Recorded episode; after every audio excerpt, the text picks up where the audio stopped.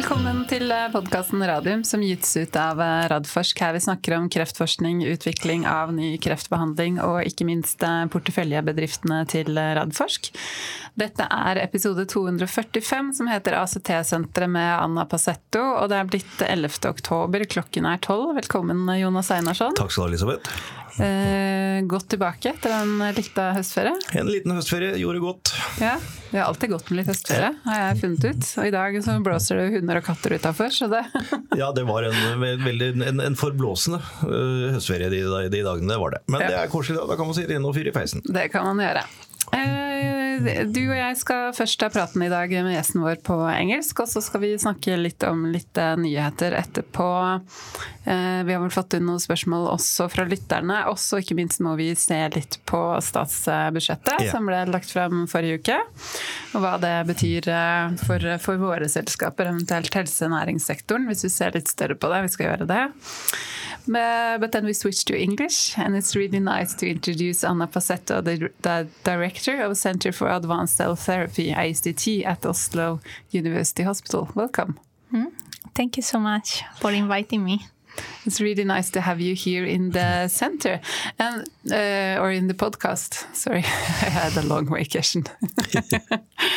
um, but before we dive into the ACT Center, we have a tradition that uh, the guests, the first time they are here in our podcast, we ask them to introduce themselves a bit broader to to our audience.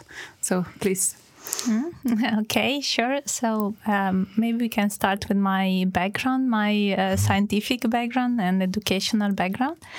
So I have a master in uh, bi um, molecular biotechnology from uh, Bologna University and uh, I moved then to Karolinska Institute in Sweden for my PhD.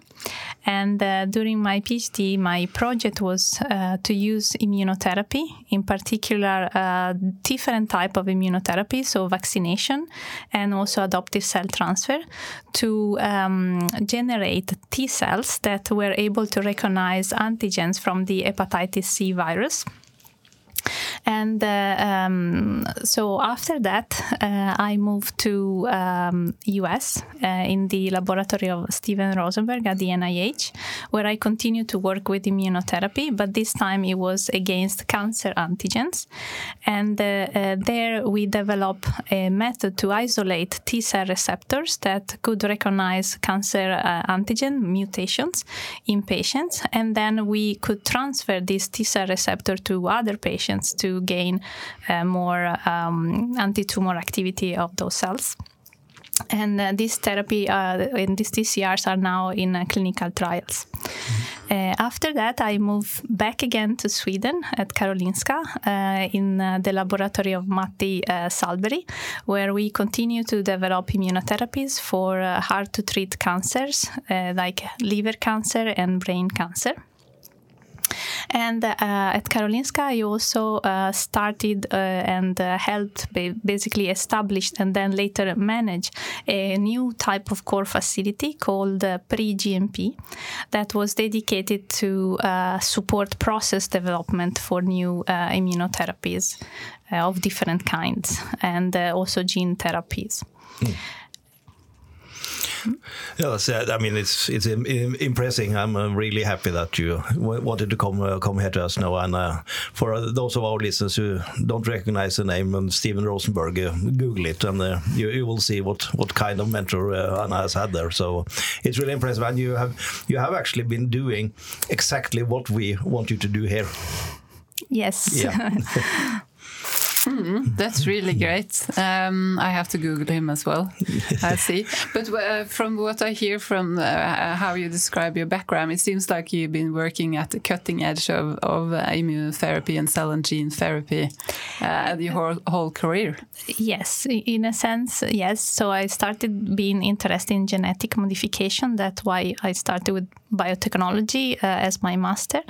And then uh, um, Stephen Rosenberg is really one of the pioneers in the use of uh, the immune system to treat cancer. And uh, he was pioneering several uh, aspects. So, for example, engineering for the first time human cells and then put it back to the patient, um, develop ex vivo expansion of cells, and then uh, doing adoptive cell transfer. And the beauty, I think, is that I learned there how you can really uh, move very quickly from a concept that is like a research concept or a science concept to a treatment for a patient in need in a really uh, very fast uh, pace. This is music to Jonas' ears. Yes, absolutely. This is I mean- ab- I mean, to the core of what the This Radforsk is is what about. we really have been dreaming about is, is to, to, to- to get it out and, and, and actually treat patients. And uh, that's what the ACT or the ACT Center is all about. Yes. And, and now you're director of the ACT. uh, Do you say ACT or ACT? Uh, you call it ACT Center, don't you? Yeah, Yeah. I Yeah. heard it both ways, Yeah. but Anyways, you're the director. What made you take on this uh, position? Uh, when I first were, uh, had uh, the first contact uh, with the other ACT uh, member, I, I well I knew them because I knew the uh, environment, the scientific environment here uh, in Oslo. Because being myself, uh, let's say a researcher in immunotherapy, I knew who else basically was doing immunotherapy in the Nordics. So I was already impressed by the quality of the science, and then uh, it was really remarkable the drive that uh, I see in this uh, environment. So really li- like the will to make things happen uh, for real, and uh, it was a good match also for my skills. Um, so I thought it was really a good opportunity to take it forward and uh, you know just go for it uh, uh, with all the means that we could. Great. And um, to our listeners, may you describe the ACT Center and what you will be doing there? What's uh, sort of your um, goals and ambitions? So, like you can imagine the um, ACT Center as like an infrastructure. Like what we want to build is like a, um, an infrastructure that offers support, in the sense that um, you have several steps that. Uh, are needed to take a good uh, idea, a good, uh, let's say, proof of concept in research to actually have a safe treatment for patients. So, all these steps, uh, if you are not guided by a certain um, competent, uh, let's say, staff, and also if you don't have the right infrastructure in terms of really dedicated lab with a certain level of quality that are all meant to ensure safety for the patient. Hmm. The risk is that you get lost, so that there are too many roadblocks, that there are too many difficulties. And then, what was very, very promising in the beginning, uh, maybe in a vitro or in a mouse model, will never had the chance to actually be tested in patient. So, what we want to have is like a, a like a road or like a, a- a stream where we can take these ideas all the way to the patient, but in a more efficient way, in an organized way, and most important, in a very safe uh, manner. So that's our goal. Good.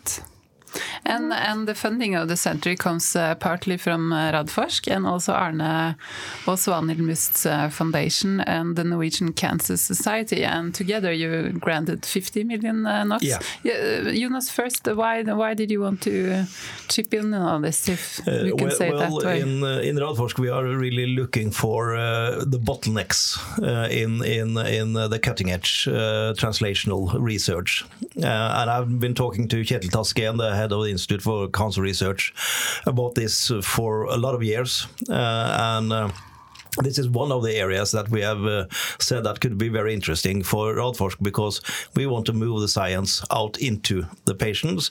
And of course, we also hope for some very nice innovations that we could work with uh, later on. And this all, all fit together, but um, we really needed to have some good funding for such a, such a center. And these 50 millions is meant to be used in the first five or six years. And, and then hopefully this will also be a center that can provide services mm. and, and also make their own money and maybe be self-sufficient uh, in, in uh, these years. But this is sort of the pilot. Uh, and, and my idea is that we really should expand this after five years. And it's also important that they have the ability to work together both with our startup companies, which are already are there, and also with the big companies. And I, we are have already talked about and are working on putting them more and more close together with the with the cell therapy division of Thermo Fisher when they move into uh, the the the next building that we are starting to build now. So it, it all fitted in in, mm. in uh, how we are thinking. Mm. Absolutely. And this grant, what does it mean for the for the center? Yeah, for us, it's it's really like enabling uh, what we want to do because uh, that's the um, only way. Let's say that we can do it um, in a much shorter time. So we can recruit uh, talent, uh, we can uh, buy equipment, we can uh, fix the infrastructure, we can really create the um, setup that we need mm. in a much faster way. Mm. Uh, when when did the ACT Center start? when was it, was it uh, inaugurated? I don't know when they started. No. I know when I joined, uh, it was April, April this, yeah. year. Yeah. Uh, yes. So so where are you now? Um, yeah, what's the status now, and where uh, and where do you want to go in the next few years? So now we are really building all the. Mm, like starting like blocks so let's say the the the ground that we um, want to have, for example, a system to organize the projects that come in so that we can evaluate um, the state of the project if they are earlier on or maybe already far enough that they need uh, uh, manufacturing, for example, uh, cap mm, capacity. And uh, we also want to, uh, for example, uh, have a system for charging, mm. you know, like creating like fees for services, mm. um, dedicating different teams of expertise for different part of project, for example, gene therapy or cell therapy. So we need to create all these uh, um, pieces mm. uh, to make things uh, functioning more uh, efficiently later on. Mm. And the idea is pretty much in line with with this. So we want to to grow from from there, and um, I think it will create a very nice environment because it's not only a way to accelerate things, but it's also a way to ensure very high quality, mm. because we have the opportunity to really hold the uh, scientists or companies or whatever to very high standard in this way because yeah. we are several people looking at the project, identifying risk, identifying uh, mm, potential problem, and make everything much mm, better mm. as well. I think that, that's a very valid point because uh, the quality is everything here. Uh, because if we are going to use this in patients, mm. and if we are going a commercial way with some uh, of the, this um, science later on, it's everything will be controlled again and again and again. And if you do, if you have any glimpse in in the quality quality there, you have big problems. And then again, as you say, you actually treat patients, yeah. and, and, then the, the, patient safety is the most important thing. Mm. And then hopefully we get some efficacy, but the yeah, safety but is the most important. Yes, mm-hmm. absolutely. Um, I was thinking, uh, how how do you think this uh, this Center will benefit uh, cancer patients, both in Norway and globally? What's your visions or thoughts there? Yeah. So the what we want to achieve is to get uh, you know shorter time and more possibilities. So uh, if there is already now some good, uh, um, let's say, potential therapy, we want to get it to the patient faster so that there is still chance for some patient you know to be treated before it's too late mm. but we also want to increase the number like the different type of approaches that could be available for for patients mm. and also that's um, also a way to uh, help maybe commercial uh, companies as well, uh, either a small company or a bigger company, but to uh, have an organized access also to different patient populations. And uh, um, also overall, like if we have, uh, um, you know, let's say, an academic idea, uh, but we can have the proof, proof uh, that is uh, working in patients that will generate interest also from a commercial yeah. point of view. So it's kind of all um, you know connected, and what we hope is to really generate a, um, a new environment for this type of therapy. Hmm. And this fit, fits so well in with our philosophy that earlier on we took these projects too early out to try to commercialize it. And mm -hmm. it was mm-hmm. still two years, three years, four years, five years before we have some clinical results. And if we can really get some clinical results in an academic setting and then moved over to a commercial phase, that will be much more major and and, and we, we have a quite a different starting point when we start the commercial uh, part of it. So mm-hmm. it really fits in. And uh, when we started Oslo Cancer Clusters um, almost 20 years ago, we, we made a vision for uh, what we wanted to do, and the vision was very easy. It was to accelerate the, the development of cancer treatments. So it, it fits in. Mm-hmm. Mm. Absolutely. It seems like you will be sort of the core of what's going on in the immunotherapy area in in uh, in Norway and Oslo. Mm. Mm. It's really yes. great. Um, I was I was wondering um, the last question I have um, from your point of view, since you you've been working on cutting edge uh, research and development is, in this area for such a long time. Uh, where where where is the field of cell and gene therapy going? What will we, what may we expect in the next five to ten years? I know it's really hard. To yeah, it's like the thousand kroners kroner question, as we say in Norwegian. okay. Yeah, like one million dollar. Uh, yeah. no, but uh, what we can see already now is that it's really like a field that is exploding. Like we we can see so many new approaches, and um, the more like people work on this, the more they get the chance to develop the project or the process further. The new other are coming, you know, with the maybe different same concept but in a different cancer type, or same cancer but different different uh, uh, you know approaches. So we have a lot of uh, like parallel things going on. So I I think that there is a lot of potential for expansion, and um, also I think Norway is seems to be very open to this. Like seems to be very very interested in this mm. approach. Mm. Um, so it seems that there is a lot of support also to to develop even further these therapies. Mm. Absolutely, and we just uh, the Research Council just uh, uh, granted the SFF, also Center for fremragende forskning, mm. to yeah.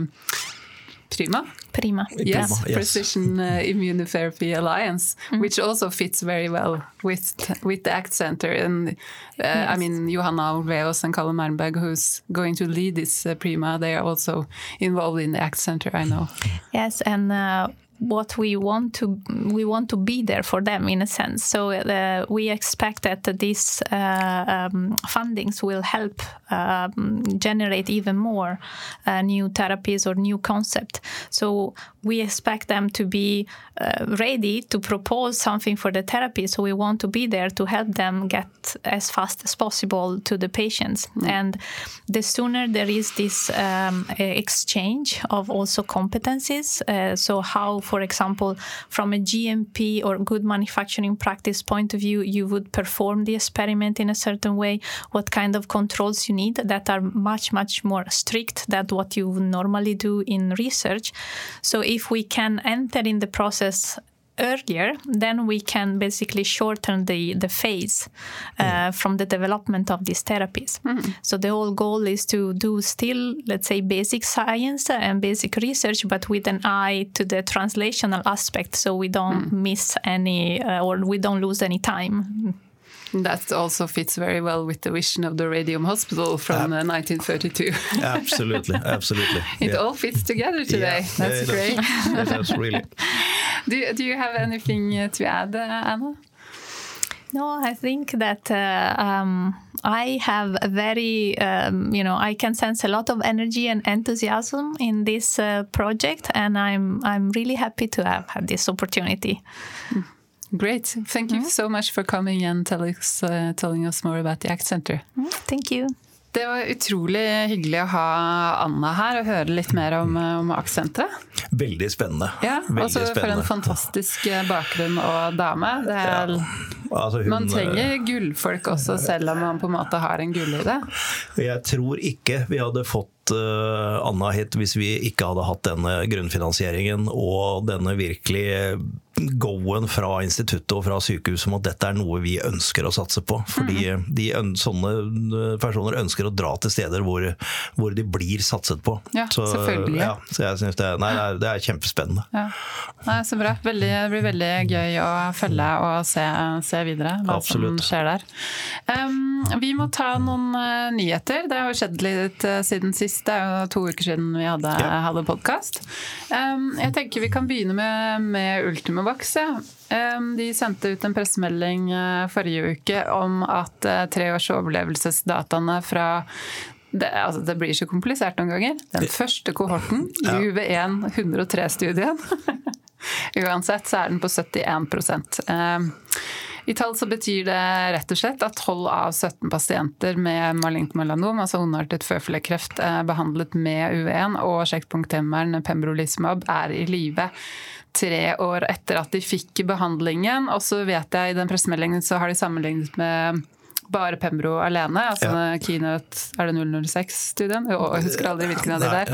Keynote i hvert fall. Um, hvor de da ser en overlevelse på 51 Ja. Som, er styreleder i selskapet.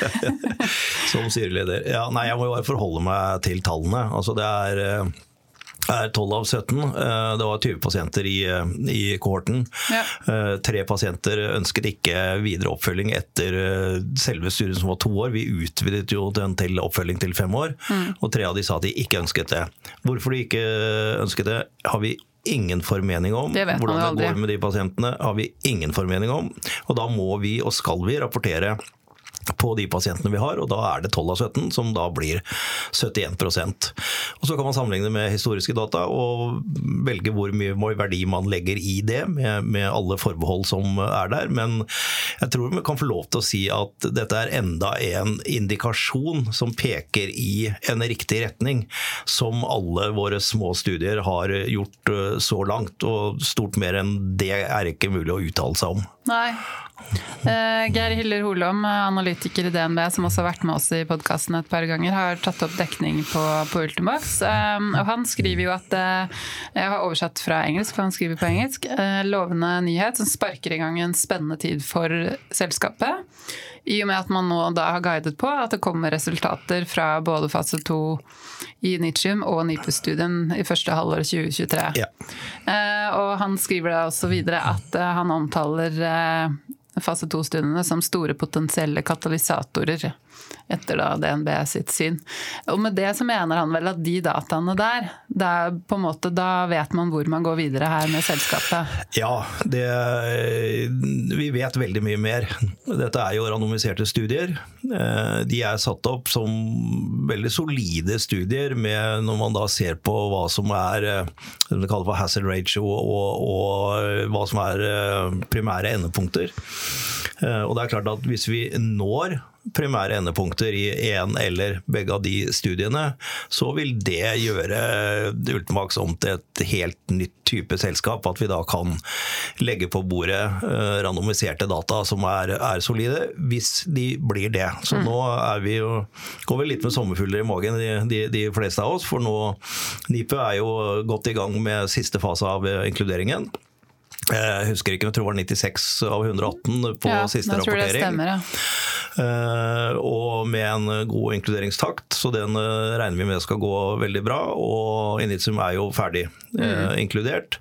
Og da må vi vente på tallene, og jeg skal ikke ta diskusjonen med en viss Polygon på Tech Investor eller andre om eh, man kan beregne resultatene ut ifra hvor lang tid det tar før de kommer. Det har jeg som sagt spurt Jens Bjørheim om og statistikeren, og de har sagt at det vet vi ikke. Nei, det kan vi ikke gjøre.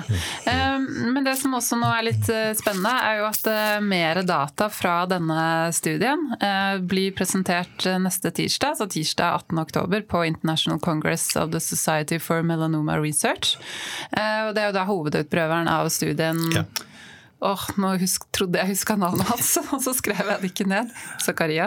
Zakaria tror jeg ja. det heter, ja. Mm. Eh, og det vi faktisk da skal gjøre for første gang i podkasten, at vi skal ha med oss Espen Basmo Ellingsen, som er eh, forsker i Ultimax, og som er på konferansen. Så vi skal ringe han opp på Zoom neste tirsdag. Fra, på konferansen. Nå er vi skikkelig spenstige her. Ja. Da, men, det, men, det, betyr jo også at hvis man har noen spørsmål til eh, denne studien, så kan man sende det inn til oss. Så skal vi ta med oss det også og spørre Spenn. Ja, det hadde vært veldig, veldig spennende å kunne gjøre det. For da, mm. da er disse eh, denne, denne posteren og abstrakte da offentliggjort før ja. vi, vi, snakker med han. Så det, det blir spennende. Ja. Ehm, det er neste uke. Vi må også ta med oss uh, nyhet fra Targovax. Uh, de har da fått antatt en muntlig presentasjon og en poster på SITS 2022. På den studien de gjorde pasienter med avansert føflekkreft som ikke reagerer på behandling med PD1-sjekkpunkthemmere, som f.eks. Pembrolizumab. Um, først vi må ta konferansen SITS 2022. Er om mulig den viktigste immunterapikonferansen i verden? Ja, det tror jeg vi trygt kan si. Ja. Og da lurer jeg på, Hva betyr det å både få antatt en poster og få muligheten til å holde en muntlig presentasjon? Det henger ganske høyt? Det henger veldig høyt. Eh, det første er jo da å få antatt posteren, eh, som i seg selv er et eh, trangt nåløye. For det er jo såkalt fagfellevurdert. Dvs. Si at det er spesialistene som sitter og vurderer om dette er interessant nok for det vitenskapelige miljøet til å bli presentert på denne, denne konferansen. Og det fikk de til. Og så sitter alle da, når man har fått det, og tvinner tommeltotter og håper på å også få en muntlig presentasjon. Eh, og det har da de fått, på lik linje som eh, Ultimovax eh, har fått i den de skal holde nå 18.10, mm, en annen konferanse. Ja. Eh, og da hadde jeg fått lov til å sitte foran som regel et panel av superspesialister som sitter og hører på at, eh, og storsalen med, med, veldig mange folk til stede. Eh, og holde en sånn prestasjon, få kommentarer fra spesialistene, få spørsmål fra salen. Det henger veldig høyt. Mm. Det er kult. Eh, og det de da skal eh, presentere, det er eh, data fra en fase 1-studie som tidligere har vist en objektiv responsrate på 35 i denne pasientgruppen, som er regna for en veldig vanskelig å behandle. Ja, den er ikke behandling. Nei, ikke sant. I og med at PD-en ikke, ikke, fungerer. Um, og det de skal presentere på konferansen er rett og slett biomarkøranalyser og, og dosering, og hvordan det har hatt en da, effekt på systemisk aktivitet og immunrespons.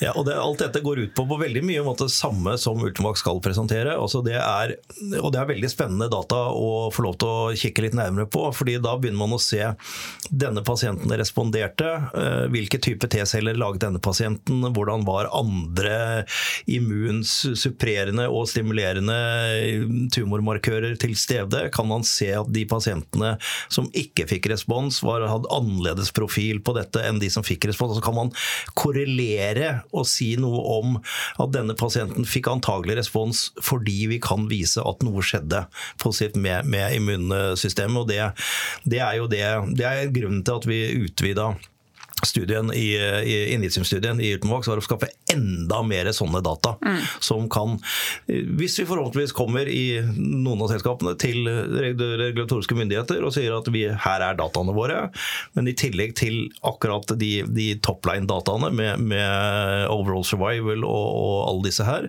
kan si at vi også kan dokumentere at vi kan sannsynliggjøre mer mm. at disse pasientene som det har gått bra med, er pga. den behandlingen de har fått. Så det er, det er veldig spennende data. Du kan koble det med et vitenskapelig rasjonale, ikke ja, sant. Ja. ja men det, det, blir eh, spennende. Eh, siste spørsmål til det fra meg er eh, altså i forhold til hvor Targovax er hen nå, hvor, hva, hva, betyr det for de å få muligheten til å holde denne presentasjonen?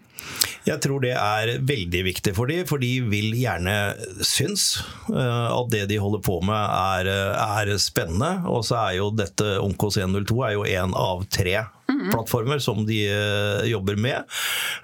Og for videre fremdrift av Onkos 102, eller å få mer interesse rundt den fra andre farmasiselskaper eller andre vitenskapelige miljøer, er, er viktig. Mm. Absolutt. Eh, så nevnte vi jo dette Prima-senteret innenfor immunterapi som har fått eh, bevilgning. Bare si litt mer om det. De har jo da fått en bevilgning på 155 millioner eh, norske kroner over en tiårsperiode. Og Karl Johan Malberg og Johan Alve skal bytte på å lede i disse fem årene. og Målet for, eh, for senteret her er jo da å lage et sett skreddersydde terapiceller, slik at det er mulig å håndplukke behandlingsformen som passer enkelte pasienter best. Så man merger på en måte presisjonsmedisinen med immunterapifeltet. Ja, ja. Det er stilig. Det er stilig, og det er jo den veien vi skal gå. Og da å få den der like etter at, vi har, at Anna, som vi snakket med tidligere i dag, har kommet hit og satt i gang aktsenteret, det Stilig er bra ord. Det føyer seg liksom inn i rekken av eh, bra, større programmer innenfor kreft eh, nå. Ja. Som på en måte går helt fra grunnforskninga, men også helt ut i sykehusene. Det går helt fra grunnforskninga og helt ut til det vi har snakka mye om her tidligere, med, med Connect og ja. alle disse, disse, studiene som nå Kliniske studier. Kliniske studier som får internasjonal oppmerksomhet. At vi bygger hele verdikjeden. og Det er jo dette vi har brukt veldig lang tid på å få til. Mm.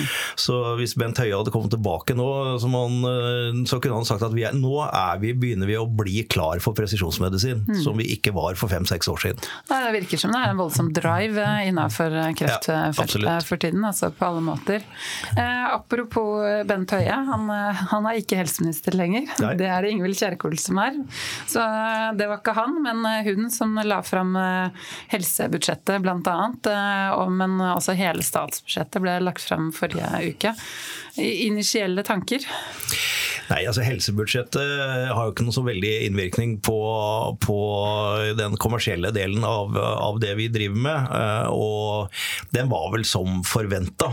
Uh, litt Fastlegeordningen er den store vinneren. Jeg så Dagens ja. Medisin hadde en kommentar om at den hadde eh, Ingvild virkelig jobbet for å få gjennom. Det for det er jo det det handler mye om, å få, ja. få penger til sitt departement og til sine satsinger.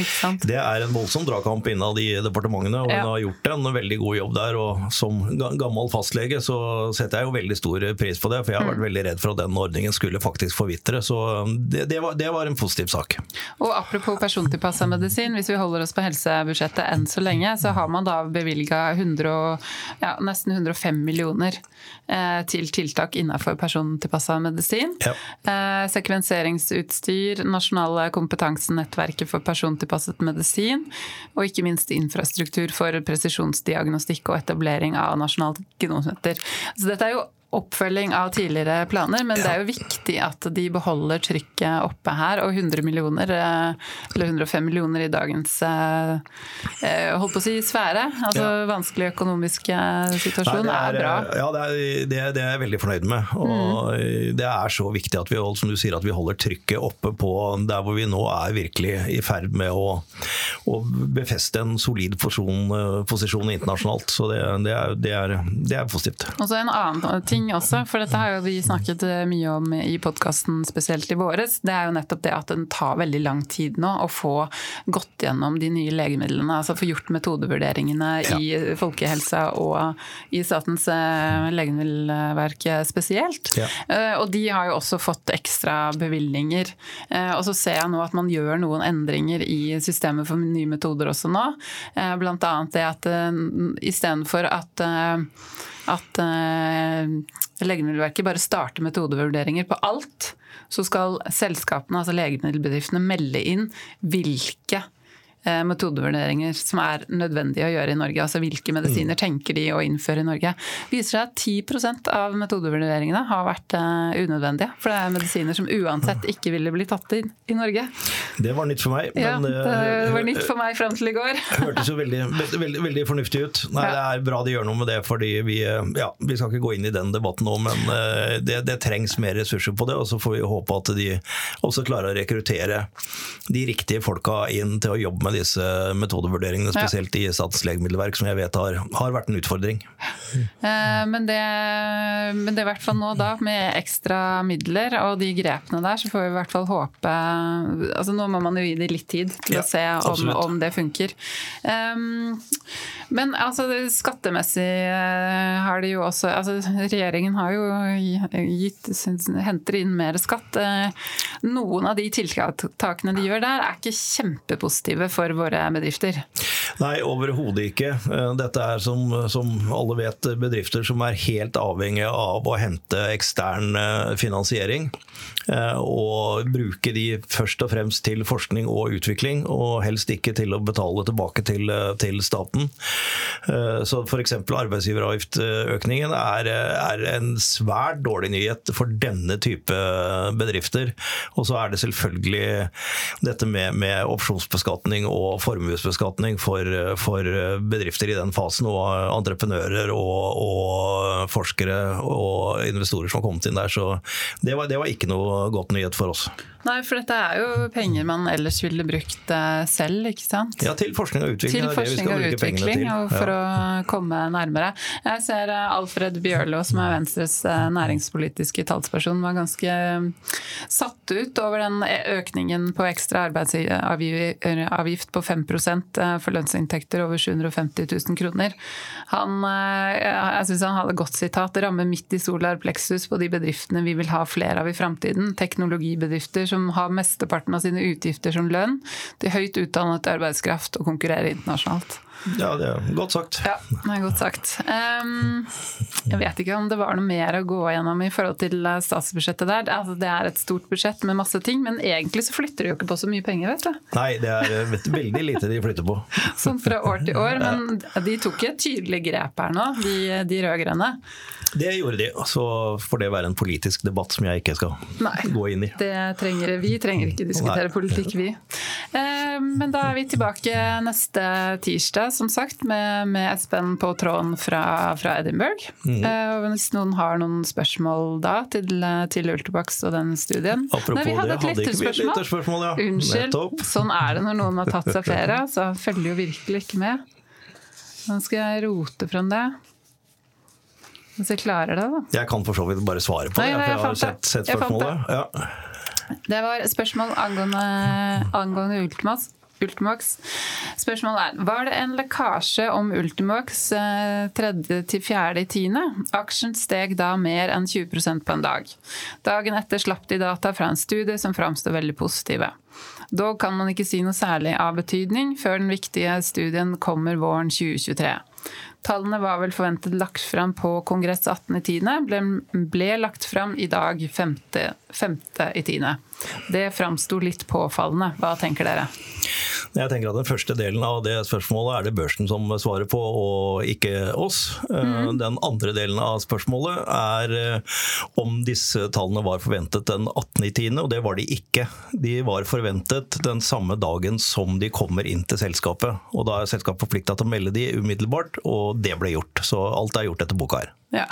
ja, for det er snakk om at dette her er såpass børssensitive data at det kan ikke selskapet sitte på. Så da må de ut med en gang. Ja, Fremleggelsene 18.10. er en post-rate abstrakt mm. som eh, er sendt inn lenge før disse dataene kom. Så de mm. omhandler ikke disse dataene. Nei. Supert. Da er det takk for i dag. Takk for i dag.